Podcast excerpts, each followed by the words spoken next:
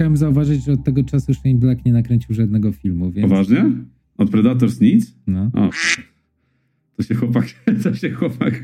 no a, a ile dobrze Zapędził. pamiętam, to od Predators no nic nie nakręcił, bo... To też, to też było dzi- dziwne, bo gość po prostu miał karierę, karierę złotą. Zresztą świetny komiksowy film zrobił. Nie wiem, nie wiem, nie wiem czy rozmawiałem z nim, o, o nim z wami kiedykolwiek. Mianowicie Iron Man 3, który bardzo mi się podobał. I to było naprawdę świeże. I ja jak miał wyjść Predator z Shane'a Blacka, miałem bardzo duże nadzieje w nim pokładane. Niestety nie, nie sprawdziły się. Stary, ja też miałem z nim, w nim ogromne nadzieje. To chyba wszyscy się spodziewaliśmy, że będzie coś wow, urywającego dupę, a tu się okazało, że niestety nie dźwignęło tematu. Zresztą, czy jest jakikolwiek, czy jest jakikolwiek film komiksowy, który ostatnio, ostatnimi czasy dźwignął temat? Ha, wchodzimy na grząski grunt. No, czekaj, czekaj, czekaj, czekaj. Thank you and good night. Eee, że przepraszam, No, dajesz. przepraszam, Zack Snyder Justice League. Okej, ale to i tak jest film, który był stworzony dużo wcześniej. No dobrze, był, był tworzony mniej więcej w tym samym czasie co Predators. Okej, tam 2000, no 2017, 18? No ale to nadal był dobry okres dla filmów komiksowych, nie? Nie, nie, to był jeszcze w mie- dobry okres dla Marvela. Bo dla DC to nigdy nie był dobry okres. No właśnie, znaczy ja w ogóle w to równanie nie wkładałem DC, więc mówiąc filmy komiksowe miałem na myśli cały czas Marvela, nie? A myśleliście kiedyś o tym, żeby wrzucić do tego też e, Valiant Comics, to się nazywało. A Valiantem to tak. Valiant miał Blood, Bloodshota na Netflixie, miał właśnie... Nie, nie, nie, Bloodshot był dla Sony robiony. A widzisz, ale mieliśmy Atomic Blonde jako film komiksowy.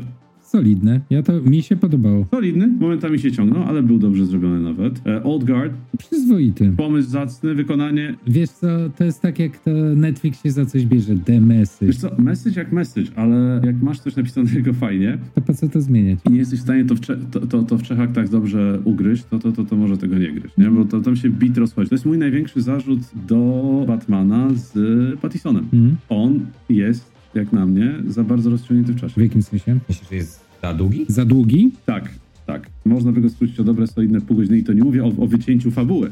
Nie, nie, to zgadzam się z tym. To powiem ci tak, to samo zakończenie skrócić, jak oni na tych motorach odjeżdżają. Mhm. Mam wrażenie, jak ja to pamiętam, oczywiście, że to było dużo krótsze, ale miałem wrażenie, że ostatnie 20 minut to tak, siedzą na motorze, rozmawiają sobie, żegnają się, jadą, jadą, jadą, nagle ona w lewo, on w prawo, jadą, jadą, jadą i myślisz, kurwa, nie, no zaraz zawróci, jeszcze będzie, wiecie, że, że, że, je, że w czasach covid jednak ugryzie tego nietoperza. Czekałeś na, czekałeś na, Ozzy, na moment Oziego, no. No to ta końcówka była wręcz y, melodramatyczna, nie? Tam, tam... E, Nie, ale tak na serio, e, rzecz ujmując, no rzeczywiście ten Batman z Pattisonem jako film jest super.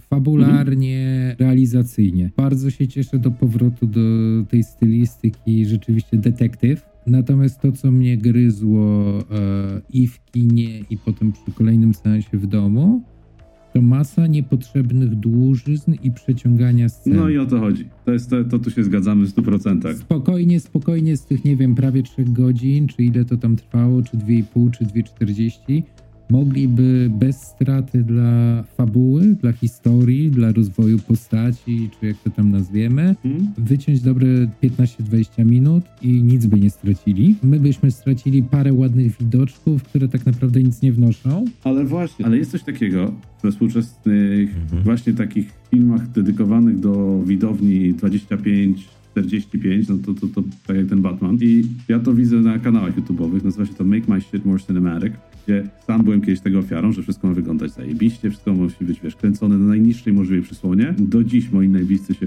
najbliżsi się wkurzają o to, jak nagrywam cokolwiek rodzinnego i jest to nagrywane w 50 klatkach, żeby można było z tego zrobić slow motion, bo cytując Dave'a Chappella, Everything looks better in slow motion. Ale, ale to nie gra. Patrzysz na Hollywood, na filmy hollywoodzkie, jakiekolwiek dobrze nagrane filmy, chociażby teraz wszyscy kochają, każdy, kto się nie zna, kocha małą głębię ostrości, tak? Że masz ostrość tylko na oczka, a wszystko jest piękne mydełko. No tak, tylko że generalnie wszystkie klasyki były kręcone na T5, 6, T8, gdzie ta ostrość szła jednak kilka metrów wstecz, kilka metrów do przodu, żeś mógł się w tej scenie odnaleźć. To jest jeden problem, nie? I to w Batmanie też było widoczne. Kolejny problem, to właśnie ten slow motion, tak, to zwolnienie, ta gra. To jest takie trochę, wiesz, jakby ja rozumiem piękno obrazu, ja rozumiem genialne ujęcia, uwielbiam Roger'a Dickinsa, ale film jest medium, film jest narzędziem i jeżeli narzędzie ci przysłania to, co chcesz przekazać, czyli całą historię detektywistyczną ją rozciągasz na trzy godziny po to, żeby się właśnie make it more cinematic, no to to przestaje być cinematic. Ale ja na przykład y, nie widzę w tym minusa, że on, o, że to było zrobione ładnie. No to jest tak jak trochę przyczepić się do Finchera, że każdy kadr jest po prostu dziełem sztuki, nie? I Fincher robi też zajebiście długie filmy, No ale, no. e, a i robi przy tym zajebiście ładne filmy. Nie, nie wiem, czy Adaś pamiętasz, bo nie, nie, nie przypomnę sobie teraz nazwiska operatora y, przy Batmanie. Greg Fraser, ten, ten co zrobił zdjęcia do Rogue One. Uważam, że zrobił kawał dobrej roboty i nie uważam, żeby, żeby to mm, skupienie się na, na, na kadrach i, i ładnych obrazkach przysłoniło historię. Zgadzam się, że film był za długi. No, no nie, uważam tego za, nie uważam tego za film, który jest wydmuszką, nie? Jeżeli do tego Nie, zmierzasz. to nie, to nie o to chodzi. Znaczy, Rafał, chodzi o to, że e, to jest tak, jak mamy, jak przytaczasz, przytaczasz Finchera, to rzeczywiście on ma długie filmy, on ma piękne kadry, że w sumie każde ujęcie może być pięknym obrazkiem na ścianie jest w ogóle super. Tylko, że za tym idzie też fabuła, która się w trakcie tego dzieje, która napędza akcję i która nie, nie masz tego poczucia, że film się dłuży. A w przypadku e, Batmana e, Reevesa, e, tudzież tak zwanego Batmana, tak, e, jest, są te takie momenty, kiedy nagle fabuła się zatrzymuje i mamy po prostu rozwlekane, piękne obrazki, które są przerostem formy nad treścią tak naprawdę, bo one są tam niepotrzebne, one spowalniają akcję. Ja wiem, że one pewnie mają też dać to takie poczucie przeciągania się czasu, ile to czasu minęło od tego momentu do następnego. Zakładam, że o to chodziło. Jednak nadal można je skrócić o połowę, będzie dalej to poczucie, że, się, że dużo czasu minęło, a ja e, wyjdę z kina te 15-20 minut wcześniej i e, nie będę miał poczucia, że trochę byłem, trochę się nudziłem.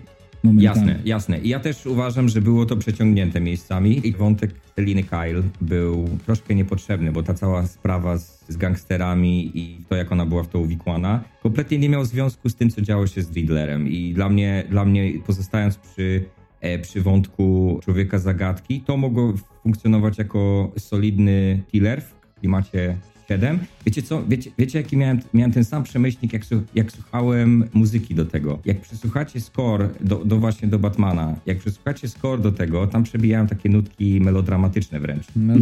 Ja miałem skojarzenie z Marszem Imperialnym, no.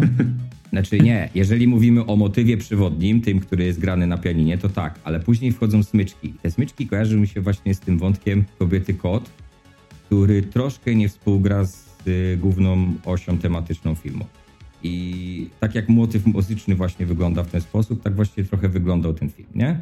I ten, ten wątek, y, wątek Seliny trochę tam mógłby być potraktowany dużo bardziej skrótowo. Znaczy wiesz co, tak wracając do tematu, Mógłby, aha, no. no, na sekundkę tylko do Finchera wróćmy, bo tam jedną rzecz, którą chciałem dopowiedzieć, bo to jest akurat mój konik. No i Fincher też ma swoje niepowodzenia i nie mówię tutaj tylko o Alienie Trójce. To się, to się nie zgodzę. Ja nie uważam z jego, jeśli o niego chodzi, jego personalnie, Znaczy nie, jeżeli... Mhm. Aliena Trójki nie uznaję za porażkę. Inaczej, to po tym, co doczytałem na temat tego piekła produkcyjnego, który ten film przeszedł, to również. Nat- Natomiast no nie jest to film, który, który po, wiesz, po wielkich dziełach typu, zabrzmiało to jakby, wiesz, jakby Aliens było, nie wiem, jakimś, jakąś ostatnią wieczerzą. Nie, po takich filmach jak Aliens e, Jima Camerona, czy po e, nawet Alienie Ridleya Scott- Scotta, to trójka niestety tak odstaje. Ale czekaj, którym alienie? Pierwszym, pierwszym, ja mówię jedynce. Mam nadzieję, tak. że, mam nadzieję, że nie Covenant. Nie, nie, nie. To, to, that's, that, that's the family member we don't mention, right? To jest ten, którego się trzyma czego zmierzam z Fincherem? Fincher ma jedną ważną rzecz, która jest mega, mi, do mnie mega przemawia, to jest to, że jest różnica między zwykłym, pięknym obrazem, a jest różnica między pięknym obrazem, który coś przekazuje, tak? Masz chociażby, patrząc na to z punktu widzenia chociażby historii sztuki, tak? Masz Vermeera, który każdy gest, każdy szczegół coś ci opowiada w Vermeerze, Mhm. tak? To samo jest u tego, u Rembrandta, to samo masz nawet u Caravaggio, u którego ta barokowa akcja, te, te emocje wgrane w ten obraz, ale też można z tym przesadzić, tak? Jest tona malarzy barokowych, których im nazwisk nie pamiętałem. Przychodzisz obok nich praktycznie w muzeum i przychodzisz obok tych obrazów i mówisz, okej, fajnie, z jakiegoś powodu zapamiętujemy Caravaggia, pamiętasz o Vermeerze, pamiętasz o Rembrandcie. E, u Finchera jest coś takiego, że każdy jego kadr jest nagrany w taki sposób i to jest też pewnego rodzaju, nie wiem, obsesyjna kompulsywność Finchera, że ten kadr przyczynia się do opowiadania historii. On nie jest ładny tylko dlatego, że ma być ładny. Tylko masz ustawienie dwóch detektywów e, w siedmiu w każdej scenie. Ten kadr już podpowiada, jakie są stosunki między nimi, co tam się dzieje, jakie są napięcia, co coś podpowiada, nie? Tak patrzyłem właśnie. Dla mnie na przykład takim filmem Finchera, który się dłużył, było Gone Girl, gdzie było to wszystko przesadnie powiedziane, przesadnie długie. I tak Mhm. sobie nawet podejrzałem operatora, który zrobił Gone Girl, DP, który to zrobił, Jeffa Cronenwenta. Jeff Cronenwent, tak? No i wiesz, Fight Club nie dłuży się, pięknie nakręcony. Oczywiście, wiesz, e, jak w przypadku Scarface wszyscy mamy nie tą postać za bohatera, no ale to jest inna historia. The Girl with the Dragon Tattoo, też jego dzieło. A więcej o Fincherze i jego filmach już w kolejnym naszym crossoverowym odcinku za tydzień w poniedziałek. Do usłyszenia.